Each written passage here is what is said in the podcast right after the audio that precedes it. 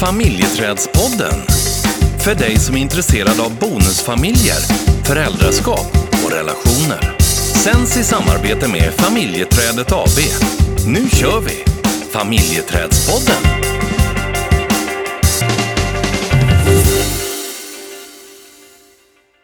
Stina, Ja, sommaren dröjer sig kvar. men det gör den. Härligt. Det, är underbart. Samtidigt som alla de här vackra färgerna på löven börjar komma. Mm. Det här är en fin tid. Bästa tiden på året skulle jag vilja säga. Mhm. Jag har som mest energi under hösten. Mhm. Det är så jäkla gött. Mm. Där ska jag göra en lista till dig som du kan börja beta av om du har så mycket energi. Så jäkla kul tycker jag inte att hösten är. Jo, ös på bara. Det gör ingenting. Mm. Jag är redo. Ja, det är härligt. Men du, Är du Idag- redo för dagens? du jag är Mm. mycket redo för dagen. Jag tycker det här det känns lite pirrigt. Det är kul. Ja. Och eh, idag ska kanske inte du och jag babbla sådär hela tiden. Nej. Utan vi har, En gäst. ja, och den här gästen har vi ju tänkt att bjuda in flera gånger. Och nu äntligen så har vi kommit till skott. Ja. Ja. Och det är Malin! Söderberg! Välkommen till familjeträdspodden Malin. Ja, men tusen tack, vad härligt. Jag känner mig, jag känner mig lite grann här som, som ni sa, lite laddad. Jag älskar också hösten. Det är liksom en form av nystart. Ja. Så det är härligt att få vara här. Mm. Ja. Och det här ska bli jättespännande att få prata med dig lite grann här. Mm. Och, eh, men vi, vi kan väl börja med, vem är du? Ja, precis. Jag heter Malin och jag hjälper egentligen föräldrar att hitta inneboende trygghet och familjer att kommunicera och förstå varandra lite bättre. Så vi tangerar ju lite grann varandra. Mm. Jag är certifierad föräldrar och familjecoach och idag så driver jag Söderberg coaching. Och det sättet som jag främst når fram till familjer det är via Föräldraakademin som är mitt föräldraprogram. Men också via kursen Färre konflikter, mer tålamod. Mm. Men om det är så att man lyssnar nu och känner igen mig så är det sannolikt för att man kanske har stött på mitt Instagramkonto Familjefamn. Mm. Så att jag jobbar med coachning, föreläsningar och webbinar. Mm. Så Och, eh, viktigt. Ja men precis och det, det är viktigt i flera delar, både för hur vi funkar professionellt på jobbet men också hemma och ja, men i livet i stort. Mm. Och du är också Och- förälder. Ja men det är jag. Jag är mamma till två killar. Henry som är nyss fyllda sex och sen så har jag Gustav som är 20. Så han är ju vuxen. Mm. Så jag har varit med i alla, alla livets skeenden. Kan man säga. Jag brukar säga att det är alltid någon som behöver mig. Mm. Eh, Liksom så, runt dygnet. För sen har jag ju min sambo Håkan också. Ja. Och vi bor i Kämpinge som ligger söder om Malmö. Ja. Jag är lite nyfiken på, hur, hur kom du in på den här banan i din professionalitet? Ja, det är ju... Det var faktiskt så lite sådär mitt i livet så kände jag att jag måste prova på någonting mer och utmana mig själv lite grann. För att jag har jobbat 20 år med affärsutveckling, företagande, ledarskap inom en stor mediekoncern. Men ja, precis sådär mitt i livet. Mm. När en del köper cykelbyxor och börjar, börjar ut och cykla och träna. Då tänkte jag att ja, men jag behöver också göra någonting nu. Jag vill inte vara 65, kolla tillbaka och känna att jag har liksom varit på samma ställe. Mm. För det är ju klart, i en stor koncern får man ju nya uppdrag och det händer nya grejer. Men jag vill göra någonting helt annat. Mm. Så att, eh, då sa jag upp mig och stakade ut den här nya, nya vägen. Mm. Och man kan väl säga att den röda tråden ligger i det här när, man, när vi mår bra, då gör vi bra. Mm. Och det, både på jobbet och i privatlivet så är det ju så. så att där någonstans känner jag att när vi får familjelivet med barnen, när det kan funka lite bättre, men det är lite mindre grus i maskineriet, ja, men då får det ringa på vattnet i övrigt också i samhället. Mm. Så det var det som var min utgångspunkt. Mm. Det låter ju som, det, ju, det kan ju vara ett ganska stort steg att ta ett steget ifrån att vara anställd i en stor koncern till att bli egen. Eh, Det låter, Ja. det låter modigt. Är du modig?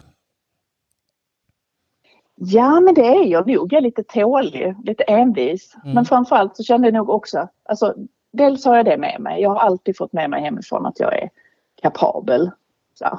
Alltså mina, jag är ensam, ensam dotter till mina föräldrar har haft en fin uppväxt men de var liksom alltid så, ja ja men då får du ta tag i det eller ja men det löser du. Så jag har alltid fått med mig känslan av att, att vara kapabel. Och jag har också, jag vet jag sa det till någon, även när jag var liten, var med typ så i kyrkans barntimmar som var lite vanligt för där man spelade lite och lekte lite och sådär. Och så, efter ett par gånger så sa jag till mamma, jag vill inte gå dit. Och då kan jag väl ha varit, kan man ha varit tre, fyra någonting, fem kanske. Så sa mamma, nej men då får du gå in och säga till tanten att du inte vill fortsätta. Mm. Så det var, och liksom Mm. det där att faktiskt få göra själv. Men Mm. jag har ju alltid, alltid känt att jag haft mamma och pappa i ryggen. Mm. Alltså den där tryggheten. Och så viktigt det du säger egentligen, både att eh, ha det med sig att vara kapabel och att någonstans kunna ge sina barn den känslan av att jag klarar det. Och att även om Ja. jag inte alltid klarar det så är jag, är jag eh, bra ändå. Ja. Men att få liksom det- utrymmet. Ja, för jag tänker att ofta när jag träffar föräldrar och som man kanske har barn som är lite försiktiga eller så, så den där känslan av att, att känna att man har kontroll. Mm. Okej, det här kan jag prova på för att om det inte skulle funka så kan man alltid backa tillbaka eller då kan man liksom alltid att det finns en trygghet bakom. Mm. Och när man känner att den finns, ja men då får man lite grann som du sa Thomas, då kommer ju det där modet va. Då kan jag våga. Ja, och det du, ja, som man skulle titta på vad det du har med dig då, just det här också att ta ansvar. Jag, jag behöver ta ansvar för mina beslut eller för min vilja. Ja, Och den är ju också superviktig, både i föräldraskapet men också det vi förmedlar till våra barn. Mm. Så att det är ju så här att jag ska, ju säga det också, det var inte så att det bara från en dag till en annan sa så nej men nu är det dags för något nytt och liksom bara hoppade av. För så är jag inte. Mm. Utan jag är liksom, jag är, att det här att fatta lite medvetna beslut, känna igen vad är det egentligen, varför vill jag göra en förändring? Vad skulle det innebära om det inte går bra, vad kan jag då göra? Och liksom någonstans, så det var ett medvetet beslut att säga upp mig och liksom starta någonting nytt. Mm. Och det vill jag, så det var inte så att jag, jag uppmanar ingen att gå på den direkta spontana känslan. Nej, precis. Nej. Nej, Att lyssna men att inte börja springa direkt. Mm, mm. det ska vi ta till oss Stina. Ja. Men jag, jag tänkte på det när du sa så här eh, att du jobbar med färre konflikter och eh, vad sa du mer? Färre konflikter. Mer tålamod. mer Mm. tålamod. Eh, för att vi hade behövt dig vid köksbordet i morse. Ja, inte, ut, inte utifrån föräldraskap men utifrån konflikt och tålamod. Mm. Um, och, och jag tänker när det gäller föräldraskap så är det ju ibland kan det ju vara eh, lätt att tappa det där tålamodet eller att att man Mm. hamnar i konflikter eller att man efter en tuff dag på jobbet hämtar, ska gå och handla mat och så är man bara i stress och att man liksom, ja men att man tappar det liksom. Ja, och jag skulle Mm. vilja säga så här också, och det skulle jag att verkligen vilja prata med dig om, dels det här spåret som Stina är inne på, men också det här när man hamnar i det här hjulet där man bara tjatar, man ser det negativa och man känner Mm. att man liksom någonstans, man har tappar relationen till sina barn.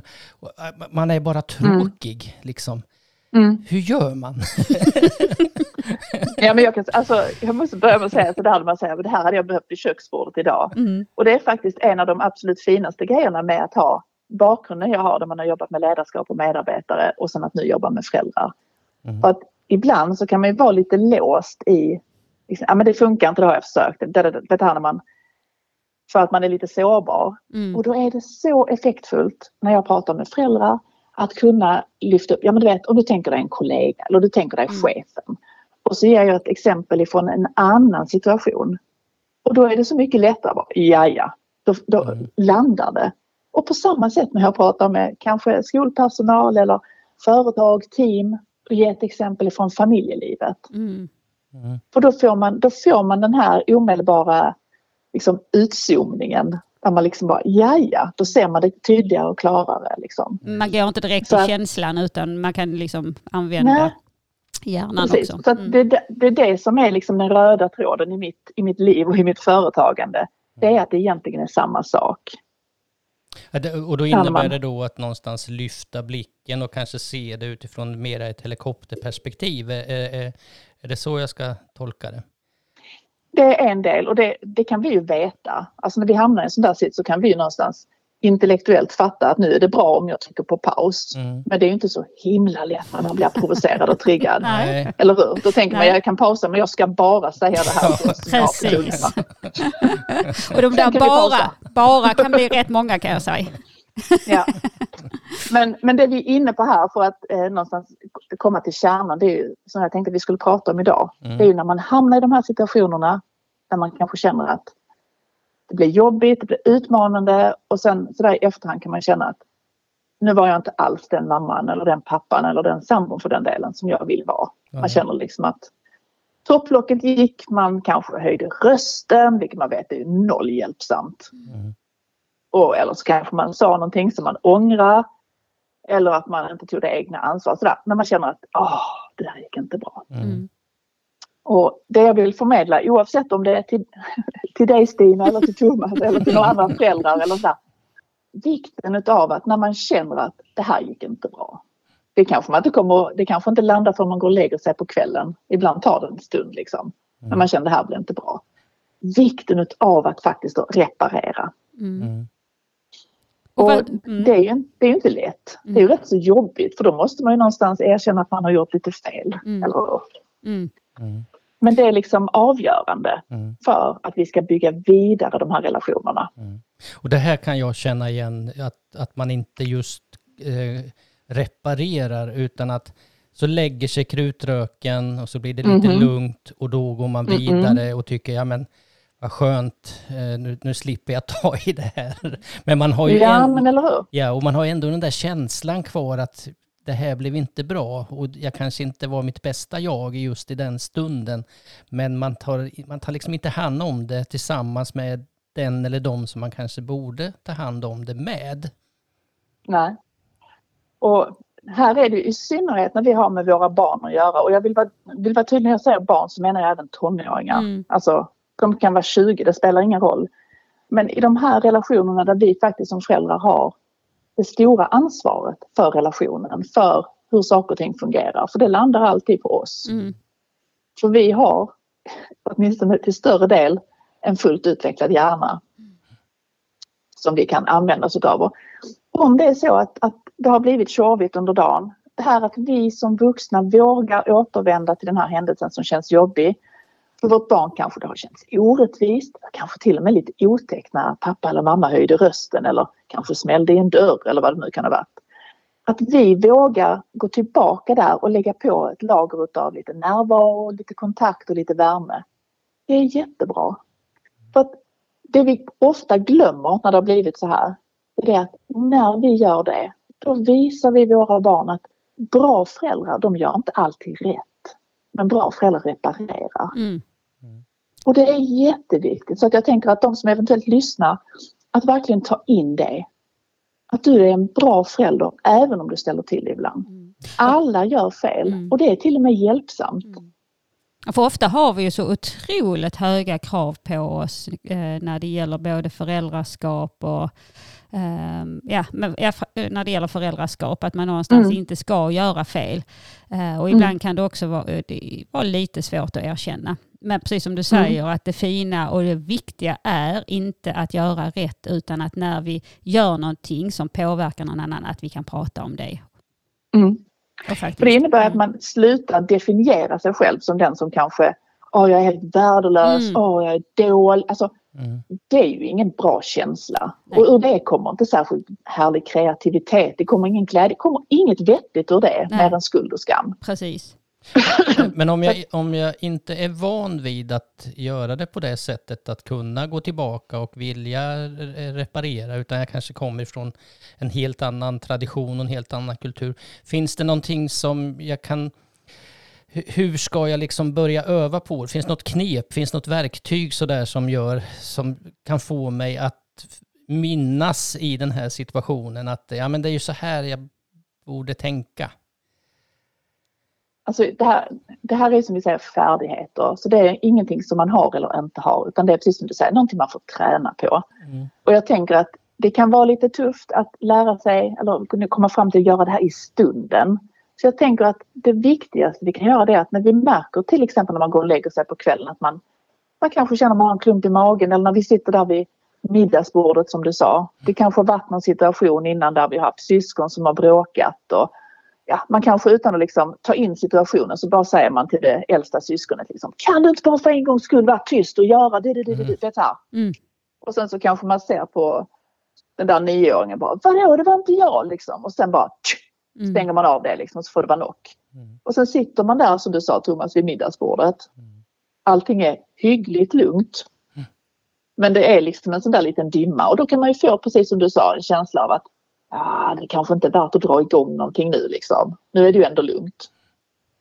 Men utmaningen där det är ju att det är ingenting som rinner ut i sanden även om vi upplever det så. För att den där nioåringen eller vem det nu är som har fått lite bannor tidigare, någonting som har känt den personen kommer inte att må bättre om vi inte pratar om det. Utan den kommer fortfarande ha kvar en känsla utav att alltid vara den som får skulden. Ingen annan förstår mig, ingen bryr sig. Den känslan finns kvar hos det barnet eller den tonåringen. Mm. Men om vi i det läget då känner okej, det här känns jobbigt för vi måste gå tillbaka som vuxna till, våran, till vår skuld i det hela. Vi behöver ta ett ansvar för att vi har agerat på ett sätt som inte känns bra. Men när vi lyfter upp det här igen och säger så du, jag vet ju inte egentligen vad som hände innan. Och vet vad, du kanske, du har helt rätt. Jag tittar bara på dig för att du är äldst, jag skyllde på dig. Och då jag fattar att det kan inte ha känts okej. För när vi lyfter upp det, ja men då ger vi den här situationen en möjlighet att få ett annat slut. Mm. Och då kanske den här killen eller tjejen säger så, ja men hon knep mig eller den tog min borste, varför tror du alltid att det är jag? Så går ju naturligtvis den här personen igång för här finns ju mycket lagrat. Va? Och det kan man också tänka på att när vi väl börjar, göra, börjar reparera så ska man vara beredd på att det kan komma lite gammalt också som vi inte har hanterat. Och om man då ska ha ett litet mantra så tänker jag att då kan man säga Ja men du, jag hör vad du säger. Det där måste ha känts jobbigt. Både, och så kan man då relatera till att hon tog på din borste eller att du blev sparkade dig på benet eller vad det kan vara. Och att du sen fick skulden utav mig. Du, jag hör dig. Och jag lovar jag ska försöka göra bättre. Sen behövs det oftast inte mer. För då har vi som vuxna tagit ansvar, vi har lyssnat in. Så liksom, och just det där att komma ihåg och validera den där eller kanske bättre att bekräfta den där känslan. Du, ja, det var säkert jättejobbigt. Eller det kanske, om vi har skrikit kan vi säga det kändes kanske lite otäckt när jag skrek eller när jag höjde rösten. Förlåt. Det där att vi kopplar till vad det är som har hänt. Så viktiga saker. Ja, jag blir helt tyst. Ja. ja, och jag börjar fundera också på att eh, alltså det sättet, eh, det kan man ju använda till sin partner eller till Mm. kollegor eller alltså just det här att bekräfta känslan och ge den andra personen eller barnet en rätt till sina egna känslor. Och att få uttrycka. Ja. ja, och det kan vara bra att poängtera. Vi behöver inte alltid känna likadant. Nej. Så det handlar inte om att värdera att det är rätt eller fel. Mm. ungefär som ett, ett mindre barn som säger att de här strumporna kliar. Då spelar det ju ingen roll vad vi tycker om de där strumporna, om vi tycker att de är sjukt luddiga och mjuka. Utan man bara säger så, du, jag tror på dig, du tycker att de känns kliar. Mm. Precis. Så att, och det är samma sak här. Eh, just att, behöva, att man behöver stanna upp. Och när jag ibland föreläser eller coachar och säger det här så kan man tycka ja men det lät ju enkelt och bra. Men då är det alltid någon som bara nej jag vill inte släppa det här för du, så enkelt är det inte. Hade jag sagt det till min tonåring. Mm. Det, så, oh, det var säkert jobbigt för dig, jag jobbar på det. Han eller hon hade aldrig släppt utan då hade vi varit igång på nytt. Mm. Eller hur? Mm. Mm. Så där enkelt ska du inte komma Nej, undan. precis. Liksom, att du bara kan ta ansvar fem minuter och sen ska allt vara bra. Utan då kanske det finns mer känslor bakom, eller hur? För har Ja. man blivit, känt sig orättvist behandlad, då, har man, då är det mer känslor som helt plötsligt kommer ut. Då Mm. är locket lyft. Ja, för det, för Och det är egentligen då det är ännu jobbigare. Ja, Ja, precis. Och jag tänker ibland så, så, så hamnar man i en dragkamp för själva dragkampandets skull egentligen. Mm. Alltså det blir, Mm. det blir någon prestige i att vinna, en, vinna Ja. fighten liksom. Ja, vi Precis, vet att och det är ju- känslor, känslor smittar. Alltså så att någonstans, ja, mm. så att det är, ju, det är ju så himla snabbt att gå igång på det där. Ja, och därför är det ju viktigt att vi tränar. Men jag tänker också att om man nu har lyssnat på det här och tänker så, ja men så ska jag försöka göra. Då ska jag säga det att det här hände innan och så ta ansvar och bekräfta och la la la la. Men då kan det också vara viktigt, för när man då får kanske lite pushback, den andra bara säger ja men du gör alltid så här, da, da, da, da, da, fortsätter. Det är då det är extra viktigt att vi inte sväljer det där betet. Mm. Att vi inte helt plötsligt då reagerar igen. Mm. Utifrån att vi tycker att men nu har vi ju faktiskt sagt förlåt. Mm. Det spelar ingen roll. Vi är fortfarande vuxna, vi tar fortfarande ansvar och vi fortsätter reparera. Mm. Så då säger vi återigen att du, ja, men jag hör vad du säger, du, du har starka känslor kring det här och det förstår jag. Jag vill att du ska veta att jag kommer att försöka göra bättre nästa gång. Jag ska försöka stanna upp och liksom ta in det som händer först innan jag bara vräker ur med någonting. Mm. Och sen kan man prova att släppa igen. Mm. Om det fortsätter, ja då bekräftar vi känslan. Jag ser att du fortfarande är arg och det är helt okej. Okay. Mm. Jag förstår det, jag ska försöka göra bättre. Så får man ha det som sitt lilla mantra. Ja, precis. Eller hur? Mm. Så att man kan undvika att gå i försvar och säga ja fast du, nu räcker det. Mm. Nej, det handlar ju att, eller då att repetera det man har sagt och fortsätta och bekräfta precis som du, som du säger. Mm. Mm. Och man kan också, om det, man känner för ibland kan det bli så man kan inte bara fortsätta i all evighet och säga samma sak för det kan också vara provocerande. Mm. Men då, då kan man liksom istället försöka vända tillbaka. Men du, jag hör att du fortfarande är, liksom är upprörd och, och besviken på mig. Kan du berätta lite mer mm. om hur du tänker? Är det någonting du tror skulle kunna hjälpa mig i nästa Vad är det mer jag behöver förstå? Att man, och i synnerhet om vi har lite större barn eller tonåringar. Mm. Och då kanske de säger så, nej tror inte det. Och då säger jag bara så, okej, okay, men om du kommer på någonting så vill jag gärna prata för jag vill att det ska bli bättre. Så behöver man inte heller pressa på utan den här känns, och jag kan säga att det är så skönt när man känner att man landar i detta själv. När man kan påminna sig och inte gå igång. För då känner man sig faktiskt som den där föräldern man vill vara. Den där som är lugn, trygg och som du sa Stina, som inte blir smittad av starka känslor. Ja, precis. Mm. Mm. Reparera mera, tänker jag. Mm. Och, och jag, mm. Jag blir sugen på att säga en sak. Jag tänker i, det, I det lilla perspektivet så är vi ju i den här stunden som har hänt. Att vi liksom löser den på ett bra sätt. Att vi tar, stärker relationen i det, liksom, i det korta, korta liksom loppet här. Men om man ser det stora perspektivet, vi pratar om att zooma ut. Det vi också lär våra barn, det är ju att om, om de är i en familj där alla vuxna alltid vet bäst och alltid gör rätt hur ska de då lära sig att hantera sina känslor? Mm. När de tappar det, vilket man gör som barn, för då har man inte, då är inte hjärnan fullt utvecklad. Då är det, då är det maxat med känslor och man har liksom 100% tillgång till dem. Det är så vi föds, 100% tillgång till alla känslor. Mm. Och sen någonstans efterhand får vi lära oss att hantera dem. Så att när våra barn kan säga okej, okay, mamma tappade i morse och sen få se hur man reparerar. Hur man säger, det där blev inte bra då lär de sig också det. Så när de är i skolan, när det inte går bra eller med kompisarna på fotbollsträningen, när man kanske säger eller gör någonting. Det är inte så att de lär sig från en dag till en annan. Men när vi arbetar kontinuerligt med att prata om känslor, hur man hanterar dem när det går fel, då lär de sig också och blir liksom det som man säger mer resilienta, mer mm. tålmodiga med sina känslor. Mm. Det jag tar med mig av det här som du säger nu är ju att mm. jag behöver inte sträva efter att bli den perfekta föräldern som alltid gör rätt, utan eh, mera det kommer att gå fel och då behöver jag tänka på hur jag ska reparera.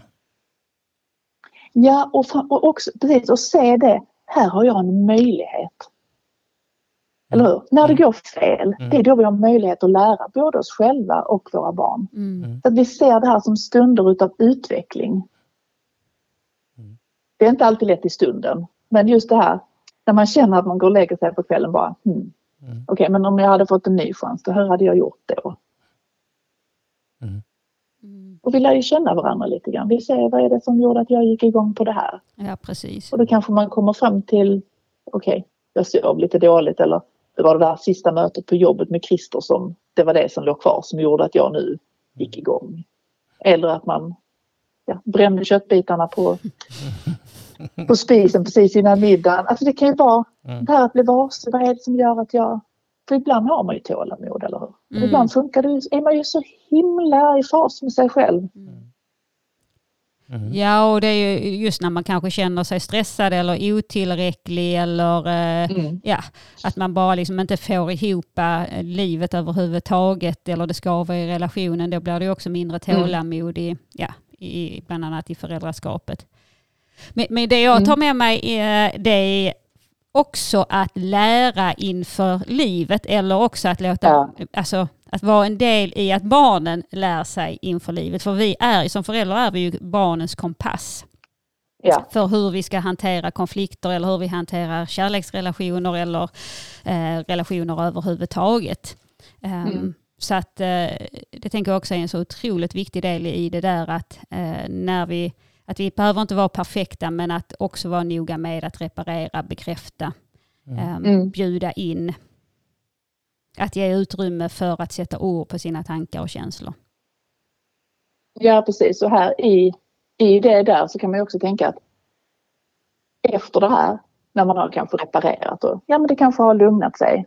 Och man själv kanske reflekterar vad, vad var det som hände egentligen? Varför blev jag så arg eller varför blev jag så upprörd?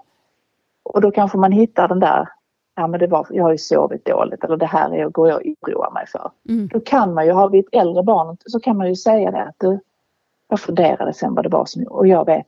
Och så kan man ju berätta. För då lär vi också våra barn att någonstans ibland kan man behöva fundera efter vad var det som gjorde att jag hamnade här. Och det kan vara viktigt för till exempel tonåringar där känslorna är många. Att kunna någonstans liksom rota bland dem och säga varför, varför blev det så här den här gången? Jag, f- jag får ett sånt lugn i mitt föräldraskap när jag lyssnar på dig. Det blir så, det blir så tydligt och klart. Precis. Ja. Ja, verkligen. Och, och jag tänker direkt också att precis, man kan omsätta det här. Man kan ha det här sättet att tänka i sitt föräldraskap. Man kan ha det här sättet att tänka i sin parrelation. Där man Mm. också är just med de nära känslorna och där man kanske triggar igång på ett annat sätt än vad man kanske gör på sin arbetsplats. Mm. Så eh, fantastiskt värdefullt Malin. Ja men vad härligt. Mm. Ja, verkligen. Ja. Och, och det känns som att vi skulle, vi skulle kunna sitta här en hel dag och prata med dig. Eh, Ja. men, Vi får boka en tid helt enkelt. Ja, vi precis. Och så behöver vi reda med dig det som hände med oss vid köks, köksbordet i Ja. Men, men jag tänker så här Malin, tack så hemskt mycket. Mm. Eh, och om man eh, lyssnar och vill komma i kontakt med dig, var hittar man dig då? Ja, jag har ju en hemsida, söderbergcoaching.se. Men jag tänker också att ett lätt kan ju vara att man går in på Instagram och kanske söker upp familjefamn. Mm. Så, och därifrån så hittar man länkar till, till alla mina webbinarier och kurser och så. Så att familjefamn är väl ett bra ställe att börja på tänker jag. Perfekt. Ja. Mycket bra. Och vi kommer att länka till eh, din sida och så också så att eh, vi hoppas att, eh, och det är enkelt att hitta dig tänker jag, familjefamn är ju, Ja, det här behöver ju många höra, tänker jag. Ja gud ja. Ja. Ja, mm. Perfekt. Eh, Nu ska jag fortsätta med att eh, reparera. ja. Eller hur fram, jag ser fram emot dig. Ja, det är bra. Och du Malin, tusen tack för att du tog dig tid och ville prata med oss om eh, det ja här men så området. fint att få vara med er idag. Mm. Ja, tack. Och det är kanske inte helt omöjligt att vi kommer att ha flera frågor framöver här som vi vill ha lite input på. Ja, det är bara att återkomma. Ja, så och Tack. ha en mycket fin fortsatt dag. Detsamma, detsamma. Tack Ja. så mycket. Tack så mycket. Hej då! Hej då. Hej.